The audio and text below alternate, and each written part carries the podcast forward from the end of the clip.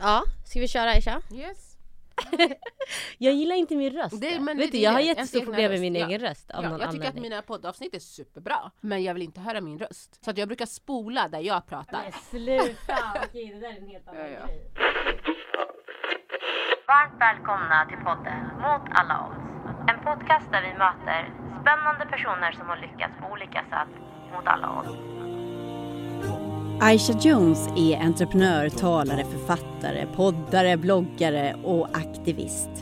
Hon har startat bolag inom mode, skönhet och mat och grundade Black Lives Matter Sweden. Och hon vill ändra på saker. Varsågod, här är Dekka Abukar och Aisha Jones. Välkommen till podden. Tack! Hur mår du idag? Jo men det är bra. Eh, shit vad jag mår bra. Alhamdulillah. Bra. Aisha, du är inte född i Sverige. När kom du hit? Eh, jag kom hit, eh, eller vad jag tror, 87.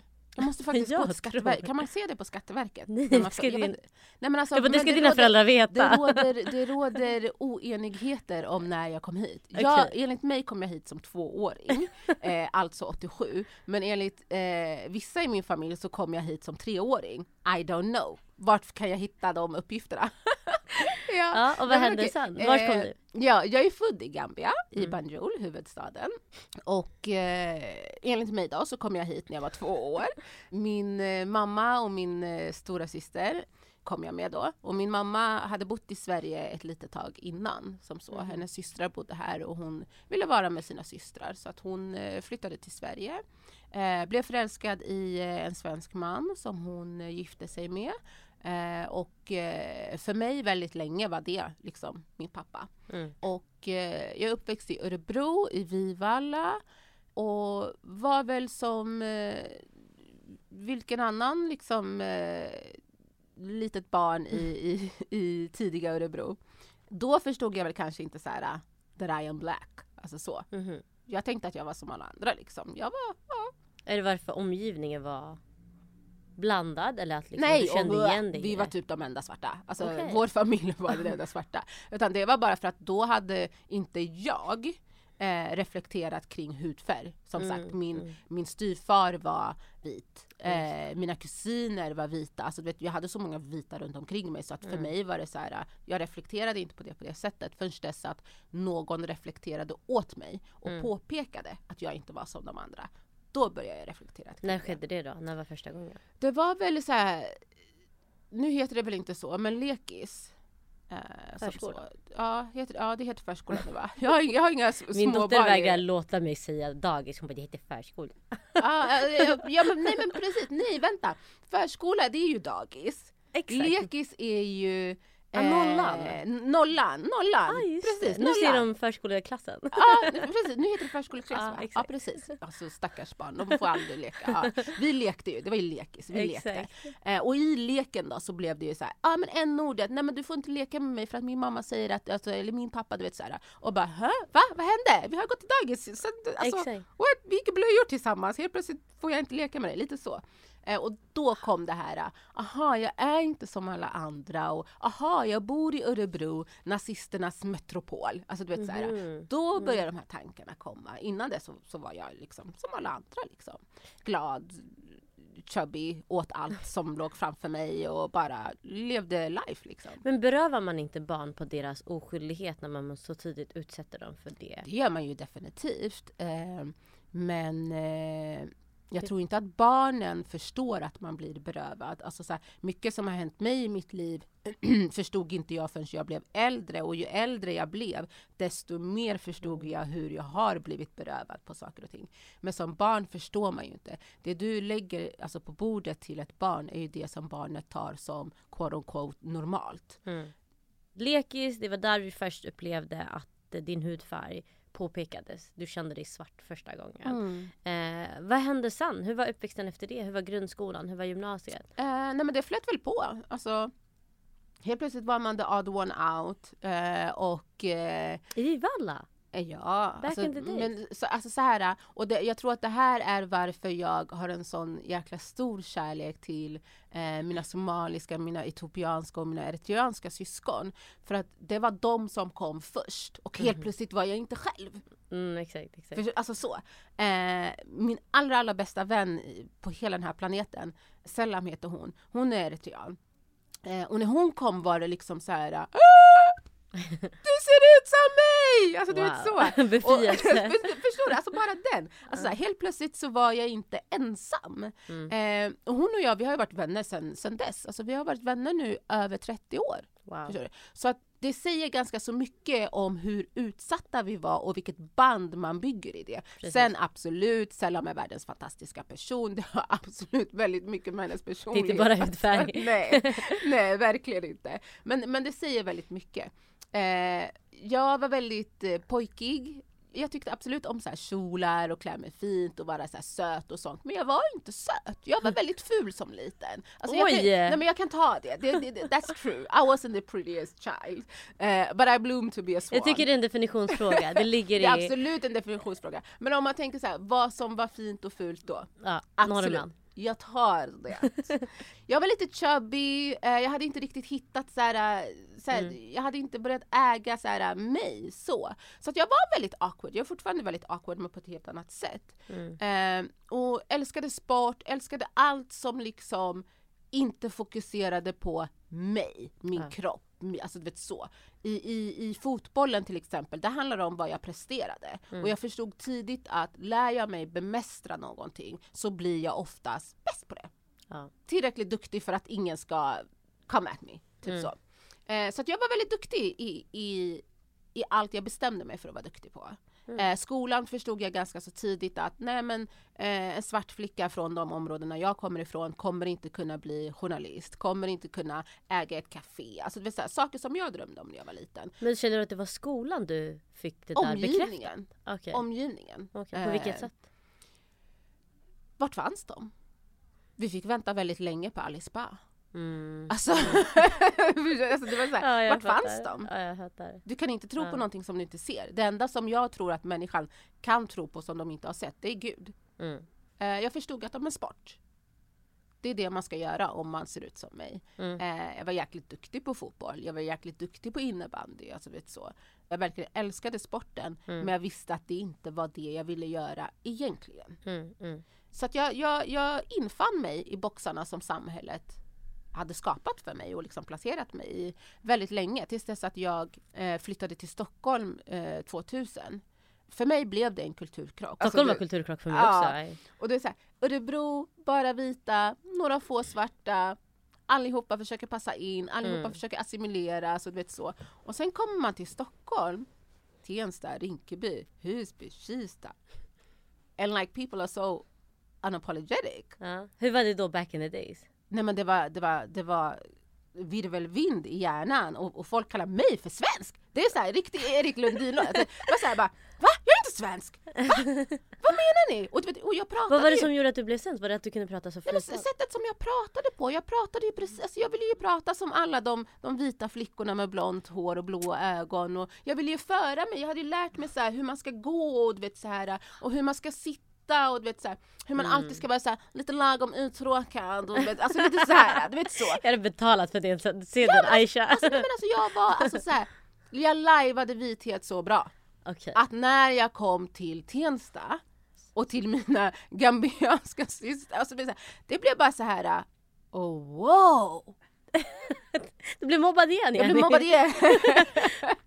Mellanförskap. Nej men det här mellanförskapet. Alltså, Ah. du, och de befann sig ju i ett annat typ av Just mellanförskap. det, just det. Och de tyckte helt plötsligt att jag hade en massa privilegier som kunde språket fläckfritt. Mm. Som, som visste hur jag skulle prata med den arga eh, gubben och du vet, Mm. alltså det så här, Och för mig var det så här, men va? Nej, ni förstår ju inte alls allt jag behöver gå igenom. Och Mm. jag, var, jag, var, jag var en nörd, jag älskade att så här, göra mina läxor och de bara Göra läxor är så lame! Kom vi går och hänger på gården! Och jag bara, gården? Vad är det? vi måste göra läxan först. Sen kan man gå och gå. Alltså, så det blev ju en helt annan grej. Det blev väldigt många krockar alltså. Mm. Eh, och sen också bara det här att jag kan helt plötsligt skala av mig den här eh, kostymen som jag Mm, bar. mm, Den här mm. vithets halloween-kostymen som jag bar. Den fick jag helt plötsligt ta av mig och bara vara mig. Helt plötsligt fick jag vara stolt över att jag älskade gambianska maträtter som, som luktade. Eh, helt plötsligt fick jag vara stolt över att mitt hår såg ut som det såg ut. Det måste varit jätteskönt. Otroligt skönt men också väldigt eh, förvirrande. Mm. I Örebro var jag ju alltid Aisato, hon Mm. som du ska akta dig för. Den svarta tjejen. Mm. Hon som har en minäs högerkrok. Alltså förstår du? Här var jag nobody. Vad gjorde det med dig då? Jag tror att jag fann en, en frid till slut. Utifrån all den här förvirringen så hittade jag ändå så det jag var bra på. Mm. Men, men om, du sa någonting tidigare om att din styvpappa som du trodde var din pappa. Eh, vad menar du med det? det går inte. Nej precis, han var ju vit. Eh, och jag vet ju att du har förlorat din pappa. Mm. Eh, men berätta, vad, har du för, vad var din relation till din pappa och varför trodde du att din styvpappa var din pappa? Nej, men det var ju lite grann för att min pappa var inte där. Eh, Okej. Han bodde i Tyskland för han var fotbollsproffs och spelade fotboll där. Mhm. Eh, och min pappa kommer från en väldigt, väldigt kristen familj och min mamma kommer från en väldigt, väldigt muslimsk familj. Så redan där hör du Romeo och Julia, Mm. Alla African version. eh, så de hade ju inte en chans. Alltså så. Mm. Och min pappa var en underbar person, fantastisk person, men han var en usel pappa. Mm. Usel, usel, usel pappa. Mm. Eh, så att han fanns ju inte där egentligen för något utav hans barn. Han fanns i perioder. Mm. Lite så. så att då var det ju Kenneth som fanns där. Eh, så att eh, han var ju den som var min pappa. Vad hände sen? Du kom till Tensta, identitetskris, hittade dig själv. Ja men precis. Eh, och det var ju alltså så här, vi har gått igenom otroligt mycket saker i vår familj. Eh, som exempelvis min biologiska pappas död. Vad hände? Han, han dog 2002 och jag har precis lärt mig vilket årtal det är för att jag brukar alltid förtränga det. Mm, och så typ varje december, han dog i december, så brukar jag smsa min syster och bara vilket år var det igen? Så här, För att det var väldigt traumatiskt. Mm. Eh, men min pappa som sagt, han, han flyttade från Gambia direkt Mm. till Tyskland Mm. eh, på kontrakt. Han var fotbollsproffs, han fick betalt för att spela fotboll. Mm. Människan hade snuskigt mycket pengar. Varje gång han kom och hälsade på kom han i en ny flashig bil. Mm. Mm. Eh, man måste förstå liksom så här, kontentan utav vad, vad Sverige och Sveriges strukturer gör med Mm. svarta. Mm. Min pappa kommer också som sagt ifrån en väldigt strikt kristen familj. Eh, och en familj som alltid har haft pengar. Och sen då så helt plötsligt så börjar han eh, åka till, till Sverige mer. Eh, han är här, här i Stockholm väldigt mycket. Eh, min pappa var en, en, en riktig Don Juan ladies man. Alltså så, här. Eh, så att han har otroligt många kvinnor i sitt liv. Eh, och får också väldigt många barn. Därav att jag inte vet hur många syskon jag har.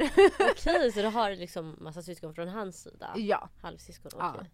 Men han kom i alla fall hit. Först så lever han ett väldigt tillbakadraget liv och liksom eh, mår bra. Han är gift med, med en kvinna, han får en son med honom. Eh, och, och liksom livet är bra. Mm. Men sen händer någonting, jag vet inte, och de skiljer sig och Mm. helt plötsligt så blir han väldigt destruktiv. Okej. Och det här är en man som också, intressant att veta, aldrig har druckit en droppe alkohol i hela sitt liv, Ja. aldrig har rökt en cigarett i sitt liv. Alltså du vet, så här, verkligen renhålligheten själv. Mm. Han går på några år från att vara, som sagt, aldrig rökt, aldrig druckit, bara bryr sig om fotboll, Ja. till att missbruka alkohol, missbruka droger, sälja droger, Mm. och hamna i en situation som resulterar i att han blir mördad i sitt eget hem, inrullad i sin egna matta, körd till skogen och begravd.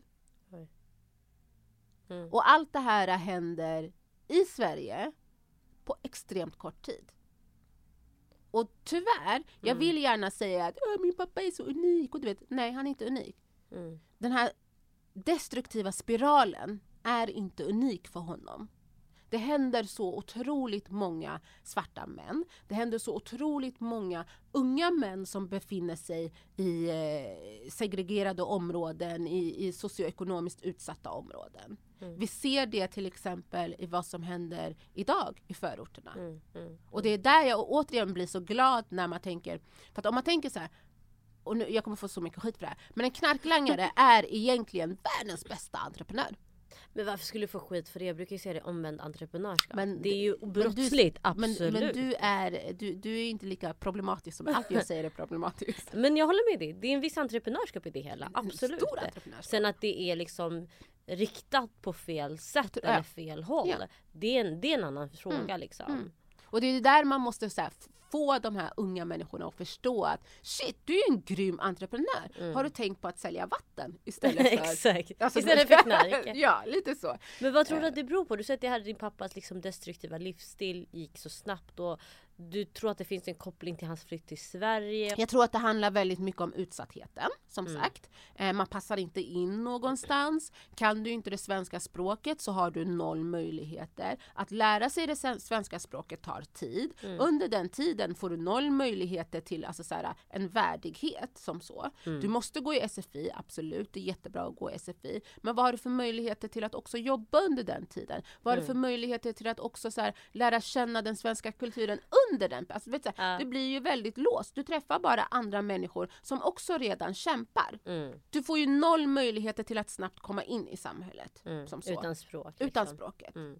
Och sen också så här, när du väl har språket, nej men då är inte din utbildning godkänd för att du har inte utbildat dig hos Carl von Linnés eh, universitet.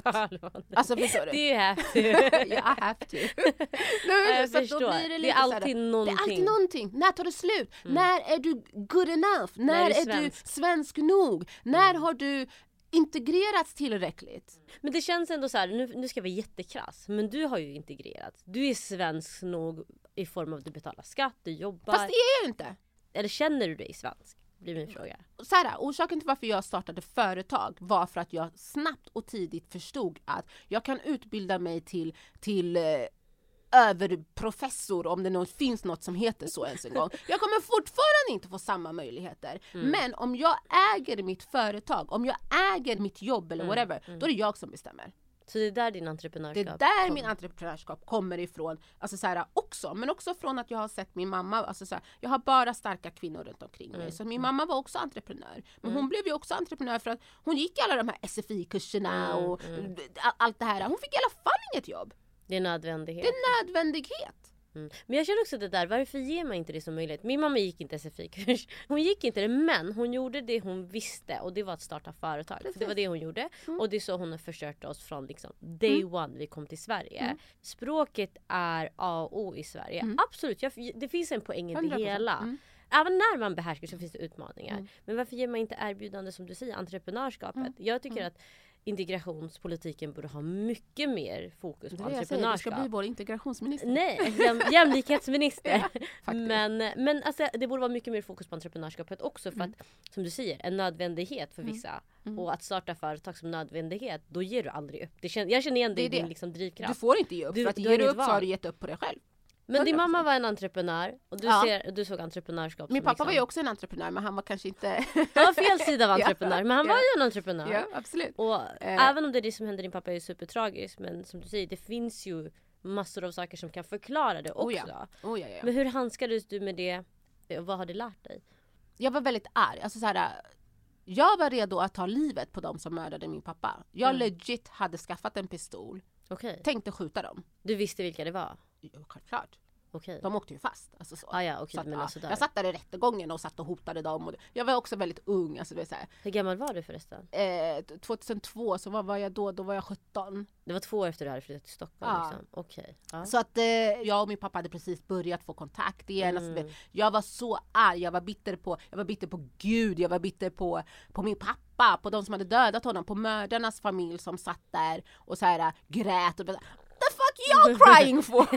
Har gett dig det utrymmet? Så jag var bara arg, jag var otroligt arg, arg, arg. Jag kände mig sviken utav allt och alla du vet. Så. Mm. Och ilska är någonting som finns hos oss allihopa och det kanske är en av våra starkaste känslor. Och det är också en av våra farligaste känslor. Ja. Ilska och rädsla. Och de två kombinerat, det är så destruktivt. Mm. Det är väldigt mycket det vi ser i samhället idag.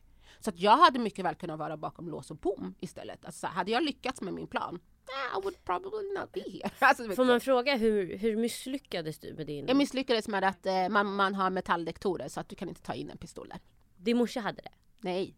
Nej Ah, du tänkte skjuta dem i eh, rättegången? Ja, vart annars ska jag köra dem? Okej Ja, jag förstår. att, ja. Och vad hände sen när din plan misslyckades? Men då var jag tvungen att gömma pistolen. När jag insåg att så här, men det är metalldetektorer Mm. Ja, men såklart. Då- så Obviously. obviously. Ja, Men jag att, menar eh, så här, vad hände jag sen? jag, jag, jag, jag är väldigt dålig på att eh, så här, kriminell, that's not my lifestyle. jag skulle Tack misslyckas. ja. Får man säga så? Så, Inte för att någon är bra på det direkt. Men, men okej, så din plan misslyckades. Du kan inte hämnas åt din pappa. Din pappa är död. De åker in antagligen. Eh, jag kunde inte hämnas på samhället och då tänkte jag så här, men jag började konsumera alkohol, droger, Mm. eh, gjorde på tok för många dåliga saker bara. Och vem skadar det? Bara dig själv. Det skadar bara mig själv. How clever is that? Mm. Men när, när insåg du så här, shit det här är bara det här skadar bara mig själv. Det är- inser jag flera gånger. Jag tror att så här, har man varit på så många svåra platser som jag har varit på, Mm. då blir det så att du får göra ett val. Ska jag fortsätta att vara så destruktiv? Then I might as well just kill myself. Och jag är största fegisen, så att that won't happen. Men när var det som svårast då? När kände du att du hamnade där och varför? Jag har hamnat där flera gånger. Mm. Eh, när man missbrukar, Mm. oavsett om det är droger, alkohol, socker, whatever, man mår inte bra. Alltså, Nej. så. Fångade någon upp dig? För Nej. jag tänker att man ser ju skillnaden från en tjej som så här, var mån om att göra sina läxor och inte gå ut i gården innan dess. Till att... Hade jag varit en pojke så hade samhället fångat upp mig. Mm. Men vi tjejer är så bra på att maskera vår smärta och sorg. Jag, var ju, jag har, har haft ätstörningar. Det är Mm. det enda som folk har snappat upp på. För att man, det syns det syns ju. Ja. Vad har du önskat att fanns då? Så vet, när det var som värst? Vad har du önskat att du fick för hjälp? Eller vem hade du önskat hade hjälpt dig? Eh, oj, jättesvår fråga. Wow. Eh, när jag var ung så hade jag väl saknat så vuxna som faktiskt vågade lägga sig i. Alltså, jag kommer ju också från den eran och generationen när man inte skulle lägga sig i andras business. Alltså det som hände hemma hos dig, det hände hemma hos dig. Det pratar vi inte om. Mm. Någon som vågade lägga sig i, någon som vågade fråga. Alltså så. Mm. Eh, folk tyckte att, nej men vadå, ni, alltså jag har legit fått de här frågorna Mm. i efterhand. Men va? Du var ju alltid hel och ren. Ja, Mhm. absolut. Vi var alltid hela och rena men vi ärvde väldigt mycket kläder. Jag fick mycket kläder från kompisar. Alltså, vet, så här, så. Eh, men va? Kring exempelvis att vi väldigt sällan hade mat hemma. Mm. Eh, ja, vad heter, ja, fröken hette det då i alla fall. Hon fått en fröken. alltså, fröken som kunde liksom så här Så gammal är du inte Aisha. med, jo, jag sa fröken. Jag älskar fröken. Det är det finaste ordet som finns. Alltså wow. Nej, men så här, fröknar som kunde packa med lite extra mellis i väskan för att de visste att I would probably not eat when I go home. Du vet, så. Jag är jättetacksam för den extra mackan och nyponsoppan och du vet, så här, skorporna. Men varför inte säga så här, är det så att ni inte har mat hemma? Hur kan vi hjälpa er så att ni kan få mat? Alltså förstår? Precis. Så, att man vågar ta i saker. Vågar ha de svåra konversationerna och vågar göra sig obekväm. Mm. Mm. Vet du vad som gör mig ledsen? Att jag tror inte det har förändrats så mycket. Nej, Jag tror inte att det är så Det har stora inte förändrats tillräckligt. Mm. Liksom. Nej precis. Utan det är nu när, under pandemin när man till och med ville så här, ja men alla barn ska vara hemma. Oavsett och glömmer bort det. det paniken. faktum att vissa barn inte har annan mat än skollunchen. Mm. Det var ju overkligt för vissa. Jag minns när jag tog debatten med vissa Oh, människor. De var såhär, vadå? Vadå skollunchen? Finns det ingen mat hemma? Nej. Nej. Nej, det Vissa finns inte. barn det har finns inte x antal det. mål och det är det Nej enda men vi... visa bara hur, liksom, hur stor förnekelse vi Oh, är ja. i Sverige. Oh, ja. Eh, men hur kom vändningen till? Alltså vad gjorde att du bara, nej, inget mer? Men vad var det som gjorde att, du vänd, att det vände för dig? Eh, dels att jag fick barn. Mi- Mitt första barn när jag precis hade fyllt 20. Det definitivt var en, eh, en omställning som så. Men också tror jag så här. Jag hade en fantastisk lärare när jag flyttade till Stockholm som heter Charlie. Eh, eller hon kallades för Charlie. Eh, heter egentligen Charlotta. Mm. Eh, alltså jag tror att hon måste vara en ängel. Alltså Mm. the- the way that she just felt Mm. att jag behövde någon som bara såg mig. Mm. Så. Det tror jag också gav styrka att våga drömma. Även om jag inte vågade tala om mina drömmar för någon Ja. så vågade jag drömma. Så. Jag behöll dem för mig själv. Mm. Eh, men jag vågade helt plötsligt drömma. Jag Mm. vågade helt plötsligt hoppas på en framtid. Eh, men jag var fortfarande väldigt, väldigt trasig. Mm. Som så. Men det var en brytpunkt. När jag fick min första son som sagt, det var en brytpunkt. Eh, när jag hittade islam. Min mamma eh, är muslim, Mm. alltid varit muslim. Men vi gick i söndagsskola. Och mamma kommer bli jättesur nu men alltså det är snarare att... De så ska här- inte lyssna på det här avsnittet. då hon lyssnar på allt den där kvinnan. Eh, nej men det är snarare så här att när jag och min, min stora syster som världens bästa människa, när vi, alltså, vi gör ofta alltihopa tillsammans. Hon Mm. börjar och sen kommer jag, eller så börjar jag och så kommer hon liksom. När vi hittade islam och vi förstod att wow, vi är muslimer! Mm. En identitet. En identitet! Just det. Helt plötsligt så var det någonting som, wow, det här är vårt! Mm. Det här är inget som vi har assimilerats in i eller du vet så här. Mm. Där kommer jag ifrån. Det Liksom. här kommer jag ifrån. Men du säger att det var, förutom barn, liksom, att islam var vändningen för dig. Vad gjorde religionen för dig konkret? Nej men islam gjorde mig lugn. Mm. Islam gjorde mig lugn. Helt plötsligt så behövde jag inte prestera. Jag dög precis som jag var. Mm. Det räckte med att jag sa Bismillah. Mm. Vad innebär det för de som inte vet? Man nämner Guds namn. Mm. För mig är det så här, en tacksamhet. Bara Mm. så här, Bismillah. Mm. Och bara så här, att kunna släppa allt. Mm. Släppa alla måsten. Släppa det här äh, fixeringen vid att jag måste. Nej, sker inshallah. Mm. Det Allt blir som fixar det blir. sig. Allt fixar sig. Det kommer att bli Mm. på det bästa sättet som det kan bli eller som det behöver bli. Mm. Jag är också muslim och man har ju en viss sån här man gör sitt yttersta, sen släpper man resten till släpper vi Gud. resten. Och det känner jag gör att man aldrig känner att man behöver så här överarbeta sig själv. Det är så här, du gör ditt och du släpper resten. Precis. Och det ger mig någon sorts så här, jag har gjort mitt yttersta, that's it. Ja. Kände du det? Att du kunde säga, jag ska inte vara arg längre, jag Ja. kan släppa resten. Gud sköter resten. Och islam lär dig ju också att du får tre dagar. Sen ska du make peace. Och jag är väldigt långsint. Otroligt långsint. Mm. Alltså så. Mm. Och helt plötsligt får jag inte vara det. Va? Jag måste lära mig att förlåta och move on. Och sen är jag inte den mest exemplariska muslimen, men jag har en slags tro som gör att jag alltid har med mig islam i allt jag gör. Mm. När jag vill attackera någon som har attackerat mig, då blir jag bara så här. I could just, kul bismillah, khair Be inshallah. the bigger person. Du vet så, Ja, God will handle you for me. Lite så. det bästa med islam. jag är bara Ja. så här, Men jag tror ändå, alltså så här, helt ärligt, du har gjort en otrolig resa från att liksom kommit hit, varit tjejen som gjorde sina läxor. Nej men gått igenom det här destruktiva, hittat tillbaka och islam som en vägledning. Men du har gjort så mycket jag har mer. Alltså, du, ditt liv är så fyllt med massa Ja. saker. På riktigt för att vara 30, vad är du, 36? 36. Nej men helt ärligt, du har gjort så mycket. Men du har skrivit en bok, du har startat flera företag. Mm. Du älskar att laga mat, har startat cateringfirma. Mm. Du är en entreprenör. Mm. Berätta om ditt entreprenörskap och så här. Du säger ju själv, det var en nödvändighet för dig. Känner du att entreprenörskap är öppen för alla? Har det varit på lika Det är villkor absolut inte öppet för alla. Har jag fått den hjälpen? Nej. Alltså jag har inte fått någon hjälp i mitt entreprenörskap förrän dess att jag träffade er faktiskt. Det Mm. var första gången som jag bara Va? Det är någon som kan hjälpa mig med entreprenörs... Alltså, du vet, så Mm, mm. Utan jag har gjort på eget bevåg. Det Mm. jag själv har kunnat. Men du är ändå en person som är social och nätverkar. Saknar du ändå kontaktnät? Nu gör jag ju inte det. Nej. Men när jag började så gjorde jag det. Mm. Det fanns ingen, ingen pappa som hade en telefonlista han kunde bara ja men jag ringer Karl-Olof där borta som kan... Nej det fanns inte Ja. så. Eh, jag är min familj och min orts kontaktnät. Nu. Alltså så. Och det är för att jag förstod att man behövde ett kontaktnät. Jag förstod att du behöver en telefonlista full med massa namn som du bara kan ringa när som helst. På Mm. våra nätverksträffar till exempel. Orsaken till varf- varför jag säger till allihopa, ni ska byta nummer. Ni ska lägga in varandras nummer i telefonen för att det finns en spärr. Mm. Har du en persons eh, namn och nummer i din telefon känns det enklare Mm. att använda dig av den kontakten än jo men jag träffade Deka på ett event någon gång. Mm, Det är inte samma grej.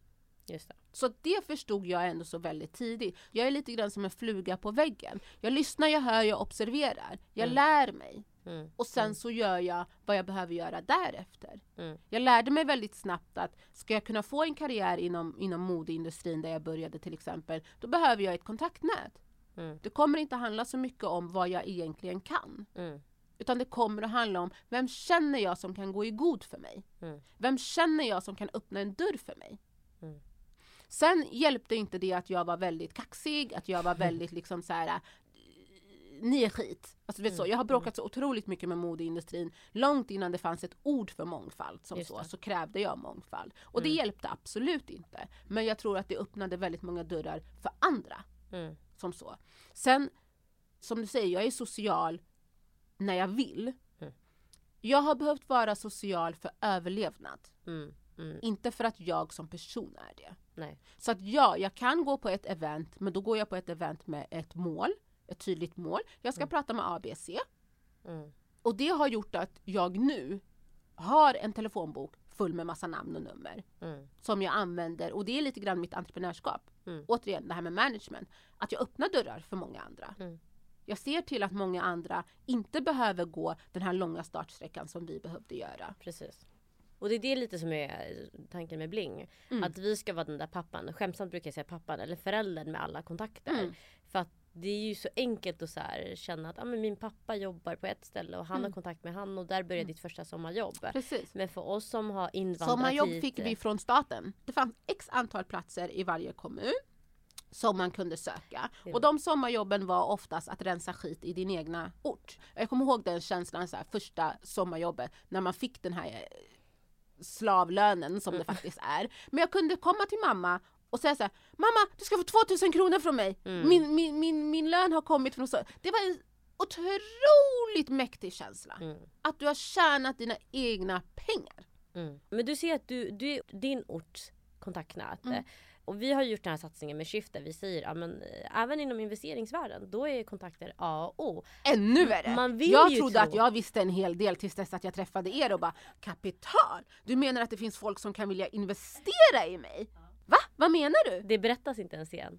Förstår du? Om inte du känner rätt personer, kommer från orten eller så, så har du inte samma möjlighet eller samma förutsättningar. Mm. Och då hade vi Shift som en lösning till att försöka fördela kapitalet mer jämlikt. Mm. Är Shift en lösning? Var Shift kommer ifrån handlar ju egentligen om synen på vem som har bra idéer. För att Mm. en entreprenör kommer med idéer. Precis. Som så. Och det Shift gör, fixa cash i all ära, men Mm. jag tror att det viktigaste som man gör handlar ju om representation. Precis. Vem kan ha en bra idé? Vem är bra nog Mm. för att kallas entreprenör? Det är inte bara Stureplanssnubbarna. Nej. Det är inte bara de som går runt i kostym eller de som har alla, alla de här kontakterna i telefonboken. Mm. Vi har sett idéer komma från unga studenter Mm. i orten. Mm. Vi har sett idéer komma från habariers Mm. i orten. Mm. Mm. Jag är från orten. Du är från orten. Alltså. Det finns så otroligt många starka idéer och entreprenörer i orten. Så att jag tror att det viktigaste arbetet som Shift gör är det. Mm. Och det andra är då kapitalet. Att man Mm. demokratiserar kapital. Men, alltså, men alla ska få möjlighet att kunna hitta kapital. För det finns ju gott om pengar. Mm. Jättekrasst låter det för de som kanske inte är inne i de här nätverken eller i sammanhangen. Men det finns ju gott om Otroligt! riskkapital. Otroligt. Alldeles för mycket till och med ibland. Otroligt. Marknaden är övervärderad. Verkligen. Men vissa av oss vet inte om att det finns Nej. och får inte dem. Nej. Och då blir det ju också det här, äh, ni finns här, idéerna finns här. Shift är bryggan Precis. som gör att båda kan ta sig över. Mm. Mm. För att det är inte någon slags välgörenhet.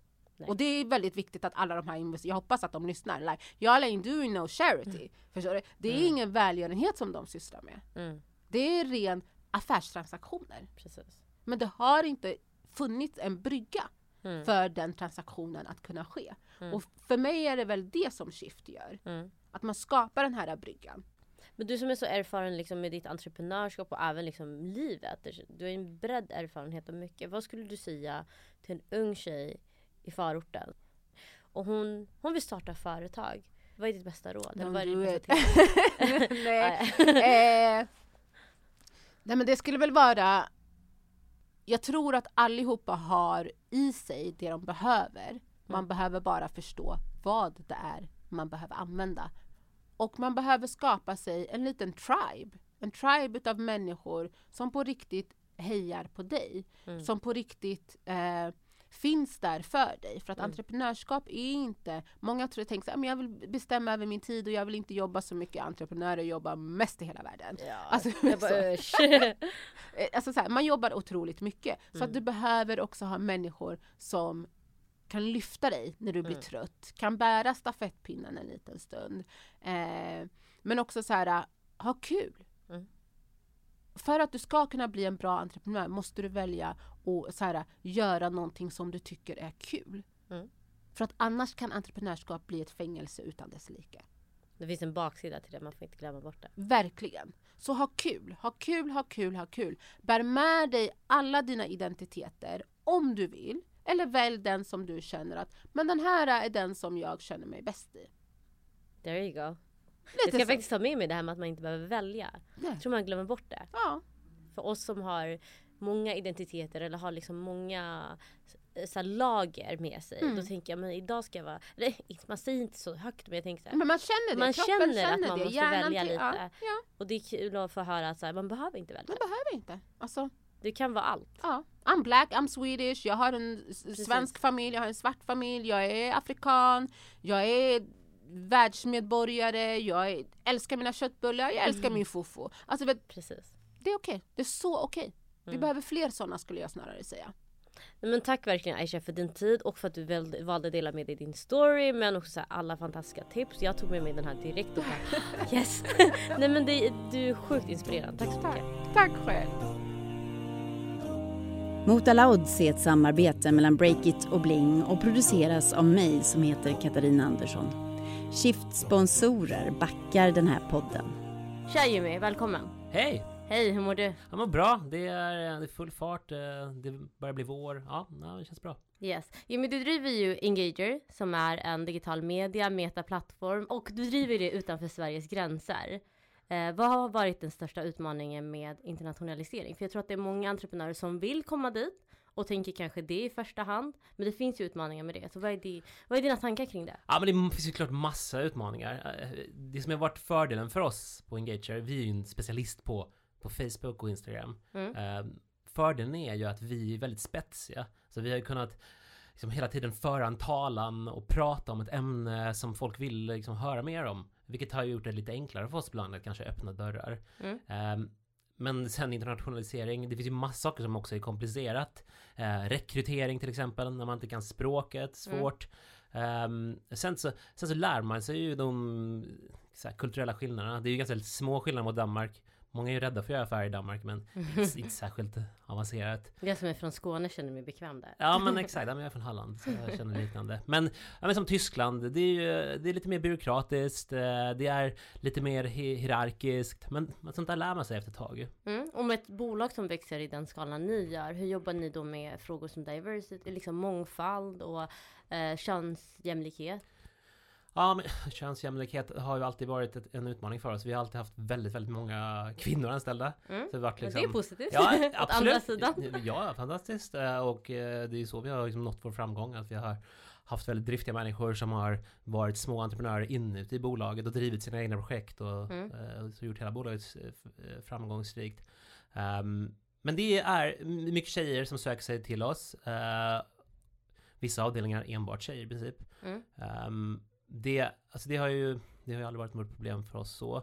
Sen så har vi haft en utmaning med att ja, men hitta människor med olika bakgrunder. Mm. Ehm, vi har funnits i flera länder såklart. Men det blir ju ändå en ganska ja, men, folk, folk har ungefär liknande, en ganska liknande bakgrund. Mm. Så det måste man jobba aktivt med då. Då får Mm. målet vara att det ska vara eh, människor med olika bakgrund. För också våra kunders målgrupp ser ju ut så. Mm. Så om inte vi kan svara mot det så blir vi lätt irrelevanta. Mm. Eh, så att aktiva beslut med tydlig målsättning att rekrytera människor som har olika bakgrund för att bli mer relevanta mot, eh, ja, mot kunderna helt enkelt.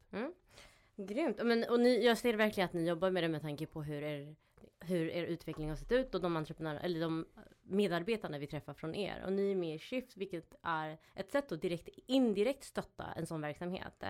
Eh, men du har varit entreprenör, entreprenör några år nu. Vad skulle det vara, vad skulle vara dina bästa tips till en nybörjare? Någon som precis har startat sin resa?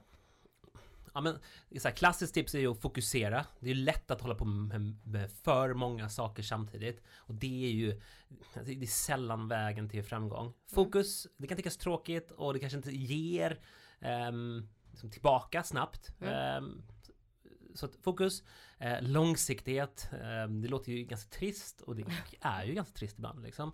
Men man måste bara mata på. Mm. Eh, och det kan, ett annat tips kan ju vara att man kanske inte gör för mycket. Utan att ibland måste ju liksom processen få få, liksom få ta tid. Mm. Ska du sälja till någon, ja men du kan inte räkna med att får svar samma dag. Det kanske tar tre månader. Du måste ha många processer igång samtidigt så att det blir, blir affärer. Ja, så långsiktighet, fokus, låta processen ha, ta sin tid. Och det är ju såklart då koppling till Shift till exempel. Mm. Att låta processen ta tid om man inte har pengar är ju väldigt svårt. Mm, Så att exakt. ehm, Ja, och där är det liksom enklare för de som sitter med egna pengar på, liksom på kammaren så att säga. Ehm, Precis. Det är en annan utmaning om ja. man behöver raisa pengar eller hitta en annan väg. Ja men exakt, om du behöver pengar för att överleva, ah, då är det ju tuffare liksom att eh, ehm, ja, vara långsiktig kanske. Ja, men, grymma tips och ni lyssnar in så det är bara att ta med er det här. Tack så mycket Jimmy för att du gästar oss idag. Tack, anytime.